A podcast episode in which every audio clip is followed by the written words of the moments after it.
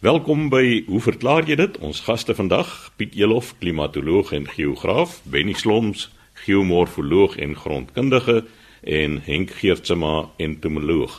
Piet, ons begin by jou. Jy het in die vorige program oor plekname gesels en jy gaan vandag nou met episode 2 van eh, plekname vir ons vergas.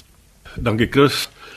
Dit is inderdaad so dat dit die tweede amper sê ek weergawe is, maar daar kan nog heelwat meer kom aangesien dit 'n baie interessante onderwerp is en interessante plekname en die geskiedenis rondom daardie plekname is. Nou die voorbeeld wat ek vandag 'n bietjie oor wil gesels is die dorpie Stytlerwil in die Oos-Kaap wat uh, soos in baie ander gevalle ook die taal van die Afrikaner en sy huisgodsdiens speel 'n belangrike rol dikwels in die naamgewing van dorpe waar daar kerklike samekomste is. Ek het voorheen genoem die kwessie van sentrale plek dorpe. Nou baie van hierdie dorpe in die sentraal-westelike Karoo gebied het juis ontstaan as sulke sentrale plek dorpe, sentrale plek van aanbidding, 'n sentrale plek vir onderrig, opvoeding en uiteindelik dan as daar mense in redelike getalle byeenkom, dan is die handelaars gewoonlik nie baie ver agter nie en so ontstaan daardie dorpe. Nou baie van hulle is genoem of vernoem na teoloë, predikante of sendelinge wat in daardie omgewing was en Stytlerwil is een van daardie dorpe. Nou die dorp is gestig in 1876 en vernoem na die dominee, die predikant Abraham Isak Stytler van die NG Kerk. Hy was ook later moderator van die Kaapse Sinode van 1909 tot 1915.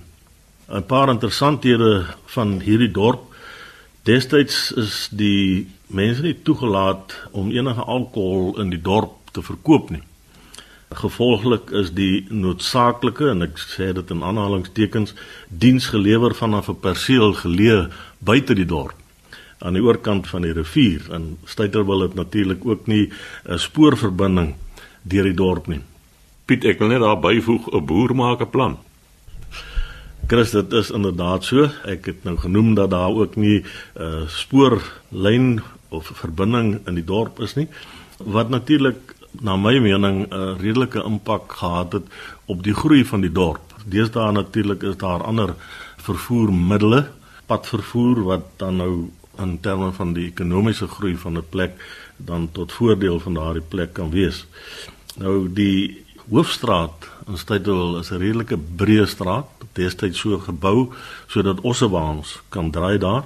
Vandag is daar 'n middelmannetjie gebou en dit eintlik dan nou 'n twee rigting hoofstraat geword in die opsig dat in daai middelmannetjie en ons het al in tydskrifte fotos gesien van die pragtige bougainvilleas plante wat daar in die in die hoofstraat blom, maar dan is daar natuurlik ook 'n ander interessante aspek en daar is nie baie dorpe waar ek van bewus is waar dit voorkom nie en dit is dat op daardie middelmannetjie is lang pale met familiewapens op daardie pale vas en die familiewapens is dit is historiese inwoners van die dorp van alle rasse.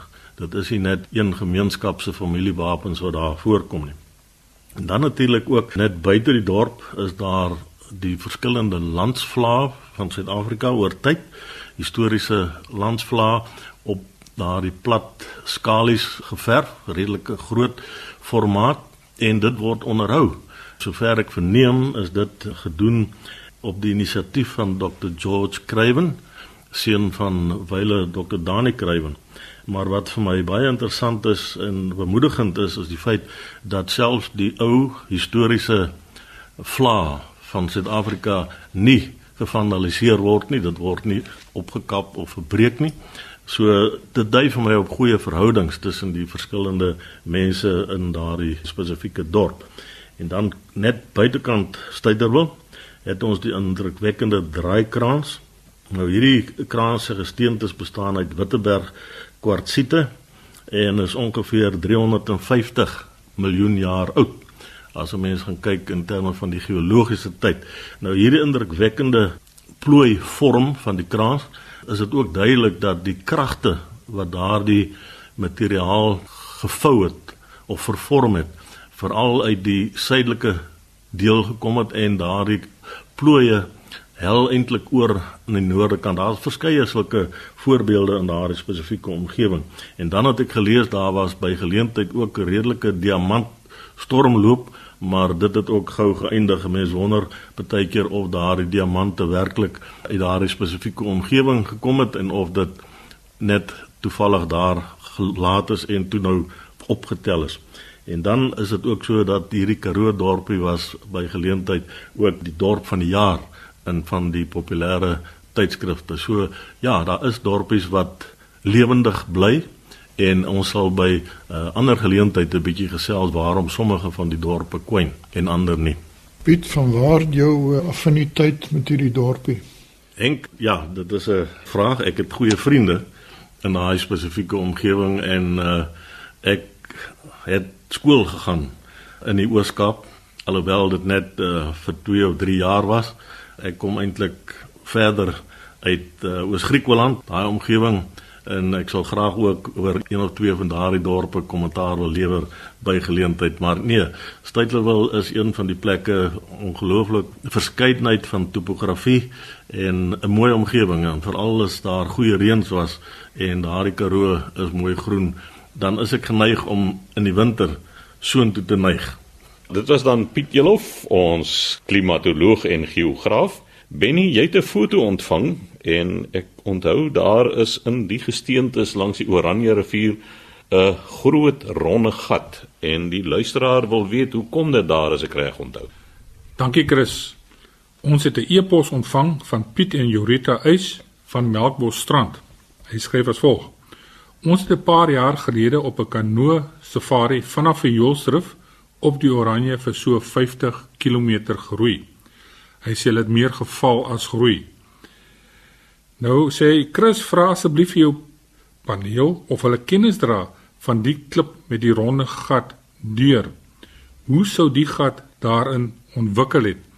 En 'n pragtige kleurfoto is ook saamgestuur met hierdie epos.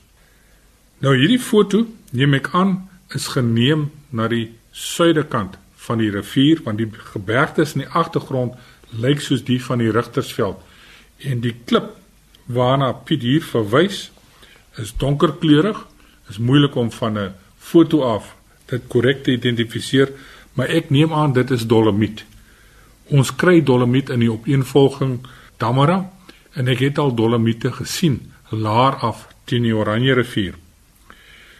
Nou wat besonders is van hierdie gat wat Piet na verwys en navraag doen, is dat hierdie gat is horisontaal deur die klip en nie vertikaal nie. Nou ons weet almal van ronde gate wat in riviere vorm as gevolg van die werking tussen die water en klippies wat in 'n holte beland en al in die ronde maal soos die water daar oorloop en hy skuur hom, hy skuur hom dieper en dieper om vir jou aan die einde van die dag 'n maalgat te gee. Die mooiste voorbeelde hiervan is sekerlik die gate daar by Blyderivier, daar in die Laagveld. Nou hierdie gat is in 'n gesteente en dit lyk vanaf die foto of dit vaste gesteente is. Dit is nie 'n los klip wat op sy kant gedraai is nie. So iets het hier gebeur om die gat horisontaal deur hierdie klip te maak en dit is so 'n paar meter bo kan die huidige vlak. Dit is natuurlik nie belangrik nie want die hoogte van die rivier het deur die eeue natuurlik ook gewissel. Nou, as 'n mens om so kyk vir die eerste keer dan lyk dit asof dit deur die mens gemaak is. Dis 'n meganiese boor want dit is 'n perfekte ronde gat. En 'n mens moet dit natuurlik van naby beskou Piet om werklike uitspraak te gee oor hoe dit gevorm. Ek self was nog nie daar nie. En 50 km stroom af van Vioolstrif, dit vat jou so eentjie verby Ousenker. So ek weet van daardie omgewing. Ek roei nie op 'n uh, rivier nie. Ek is ook bang vir daardie uitval. 'n Ander moontlike verklaring wat ek het, ek sê nie dit is reg nie, is heel moontlik dat daar 'n inklusie was in hierdie dolomiet en dat dit vrygekom het en nou sit jy daar met die gat. En die gat is nou dwars deur hierdie dolomiet wat so op sy sy regop staan. Ek herhaal weer, dit is nie 'n losgesteente nie. Hy is 'n vaste reeks wat daar staan. Baie baie interessant. So as jy weer daar gaan roei Piet en Joreta, hou stil daarso of val sommer daar uit en neem vir ons 'n paar fotos nader. Ek sal graag wil weet wat is die afstand wat hierdie uh, gat deur daardie gesteente is en of dit wel dolomiet is. En uh sou ek daar weer in daardie omgewing kom, sal ek definitief daarna gaan soek.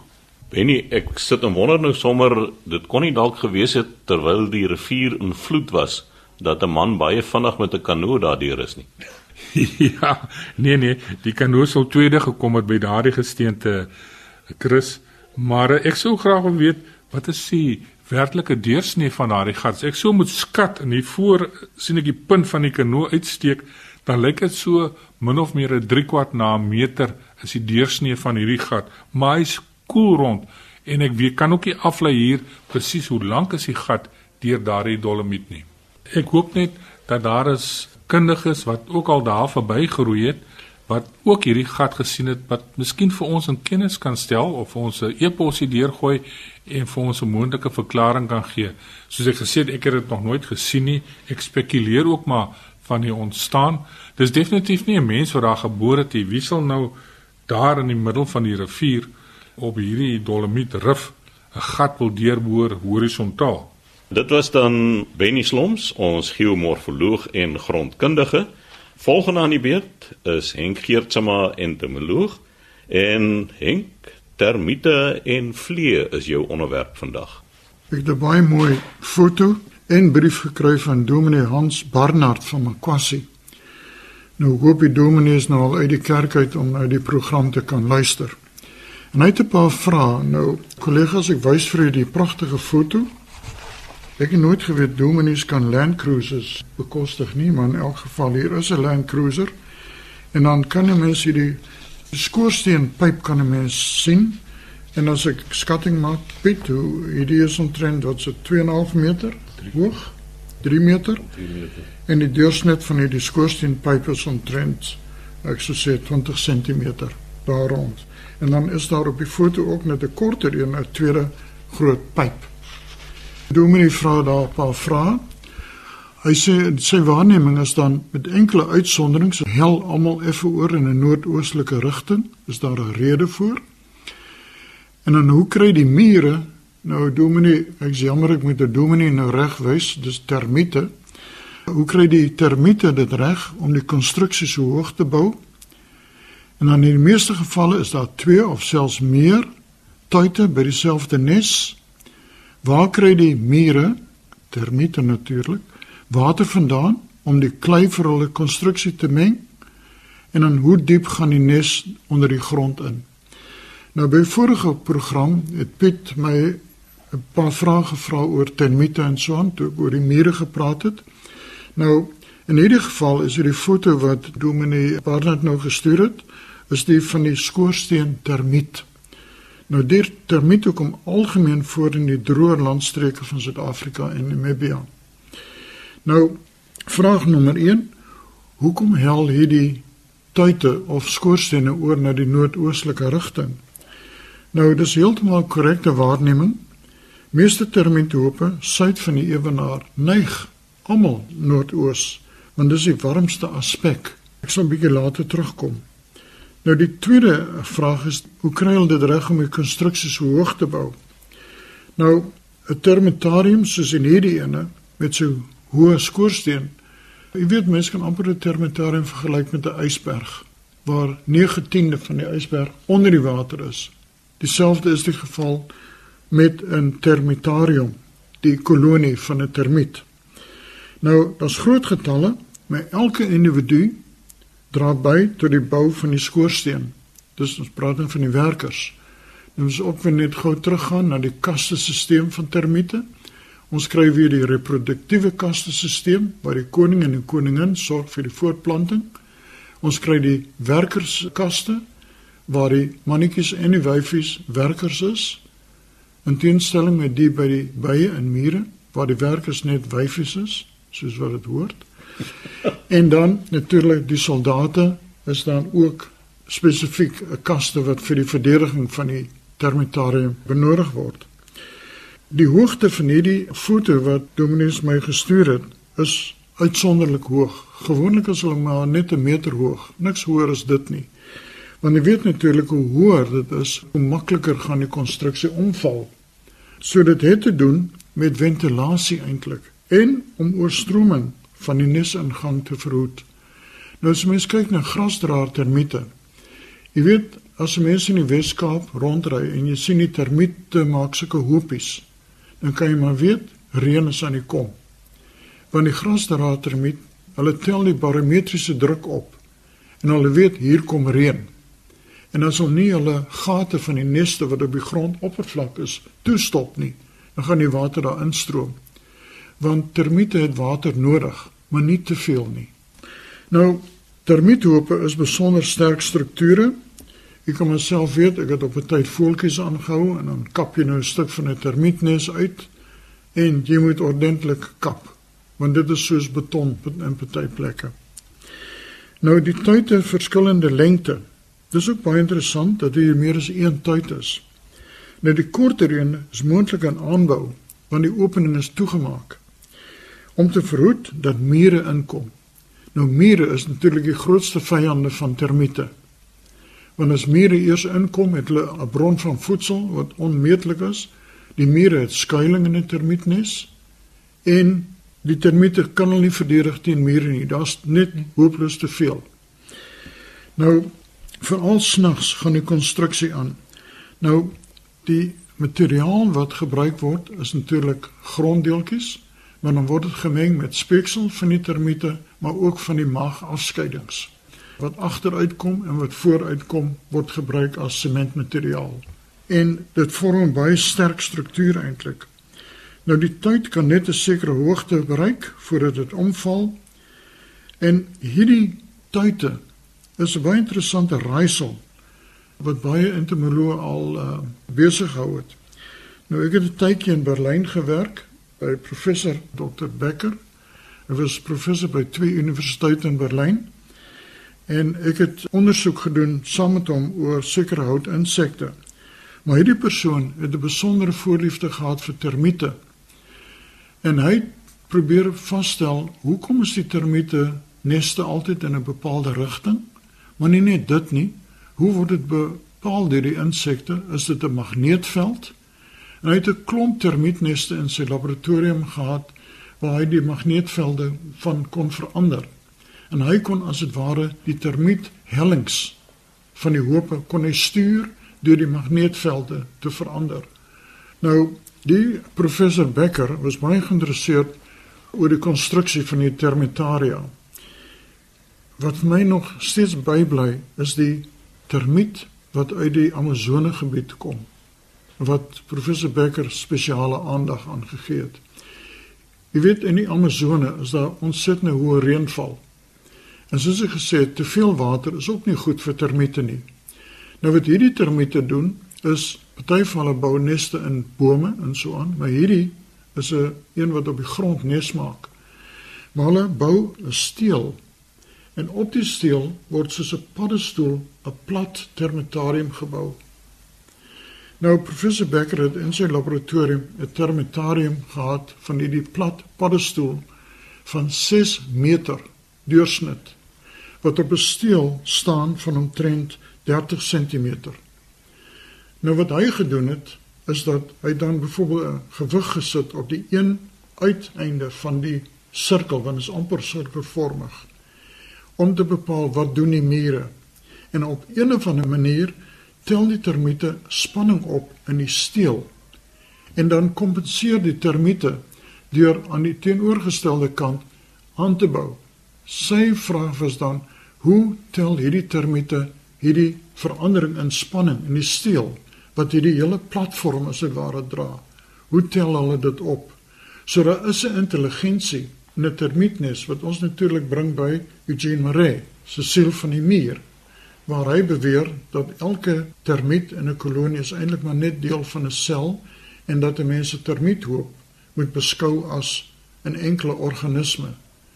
Natuurlik weer eens, dit was nie die siel van die muur nie, maar dit was die siel van die termiet. So, Nou hierdie tuite, hierdie skoorstene wat dan so hoog gebou word, moet die termiete op 'n soortgelyke manier uitvind wanneer is die gevaarpunt daar dat hy die hele tyd kan omval. En soos ek sê op hierdie foto, waar hierdie tyd 3 meter is, dit is werklik uitsonderlik. So of hulle 'n besondere sterk soort grondmengsel kon gebruik of sementmengsel of dit is net daar's nie wind of iets wat 'n uh, faktor gespeel het nie. Maar nou kom ons by die water. En vra die dominee, hoe diep gaan haal hulle die water? Nou die termitarium is soos 'n ysberg waar net die klein gedeelte bo die oppervlak uitsteek. Nou termietneste het duisende tot miljoene individue. Nou elke individu, soos enige lewende wese, haal asem en moet die lug gedurig vervang of vervars word. Omdat die nes in droë gebiede diep ondergrond strek, moet daar 'n ventilasiesisteem ontwikkel. In die geval van die skoorsteentermiete is die bou van die skoorsteen die oplossing. Gedurende die dag word die pyp of skoorsteen deur die son gebak. Die lug binne die skoorsteen word warm en styg en verlaat deur poree in die tyd die nes. Die lug wat ontsnap word vervang deur koellug wat verder af in die pyp ingetrek word. En hier kan 'n mens fabriekskoorstene gebruik. Mense gebruik fabriekskoorstene om 'n sogenaamde trek te ontwikkel. Dis hoekom skoorstene hoog is in fabrieke. Nou termietneste wat nie gebruik van die skoorsteen tegniek maak nie, is meestal bo die oppervlak waar die oppervlak deur die son verwarm word en op dié manier lugvloei bevorder. So die skoorsteen termiete vind dat 'n oop pyp is meer effektief as wat die ander soort termiete wat termiet hope maak. Nou termietneste kan baie diep in die aarde gevestig word en dikwels op soek na ondergrondse waterbronne. Termiete se vel is dun en dus maak hulle staat op 'n hoë vochtige omgewing vir ideale lewensomstandighede. En natuurlik om die swamgroei aan te moedig van hulle voedsel. Want soos die luisteraars weet, is meeste termiete is afhanklik van hout, vesel of swamme waar hulle in swamtuine dan die paddestoele as dit ware gebruik as voedsel. Nou presies hoe diep so 'n nes gaan. Nou in die geval van die skoorsteen termiet kon ek dit nie opspoor nie. Maar ander termiete se neste kan tot 6 meter diep wees en dit is nou volgens dokter Couten, baie dokter Couten, wat die termiet spesialis van Suid-Afrika was. Dominee, baie dankie vir die pragtige fotos en dan die vraelys. Ek hoop jy het 'n bietjie meer antwoord gekry op die vrae. Dan die tweede vraag is oor 'n vlieg en dit kom van Olga van Kimberley. Sy sê dankie vir die program, geniet dit baie. Nou sê sy, wat 'n groot snaakse groot muskiet kry mense hier in die Kimberley in die winter. Hy is seker 50 keer groter as sy maatjies en sy sien vir Goliat net in die winter. Lyk soos 'n gewone muskiet, maar baie groter en hoekom net in die winter. Nou, hierdie groot muskiet is niks anders nie as 'n kraanvlieg. En die kraanvlieg kom voor as daar so 'n bietjie reën is en so aan. Hulle word aangelok na lug en dit is hoekom u dit sien, maar dis nie 'n muskiet nie, dis 'n kraanvlieg. Hulle larwes voed op tuinafval, veral as daar baie kompos is. Die Engelse praat van die sogenaamde leather jackets, maar Jy hoef glad nie bang te wees vir die kraanvlieg dat hy gaan bloedsuig nie, want sou hy bloedsuig dan dreineer hy een persoon totaal droog. Henk net uh, een of twee opmerkings oor 'n uh, eh, vorige vraag wat jy hanteer het en genoem het dat skoorstene by fabrieke is redelik lank of hoog om 'n spesifieke rede. Dit is natuurlik ook so dat in omgewings waar jy temperatuur inversies het, dat die fabrieke dikwels gedwing word om 'n lang skoorsteen te bou sodat die besoedelde materiaal of materiaal wat die lug besoedel dan bokant daai inversielaag vrygelaat word en dan versprei en nie vasgevang word op die grond en tot nadeel van die mense is nie. Nee, so kan 'n mens weer sien dat die insekte is die mense alweer een tree voor. So sê Henk Geertsma, ons entomoloog, Die tyd het ons weer ingehaal. Skryf gerus aan. Hoe verklaar jy dit? Posbus 2551 Kaapstad 8000 of stuur 'n e-pos aan chris@rsg.co.za.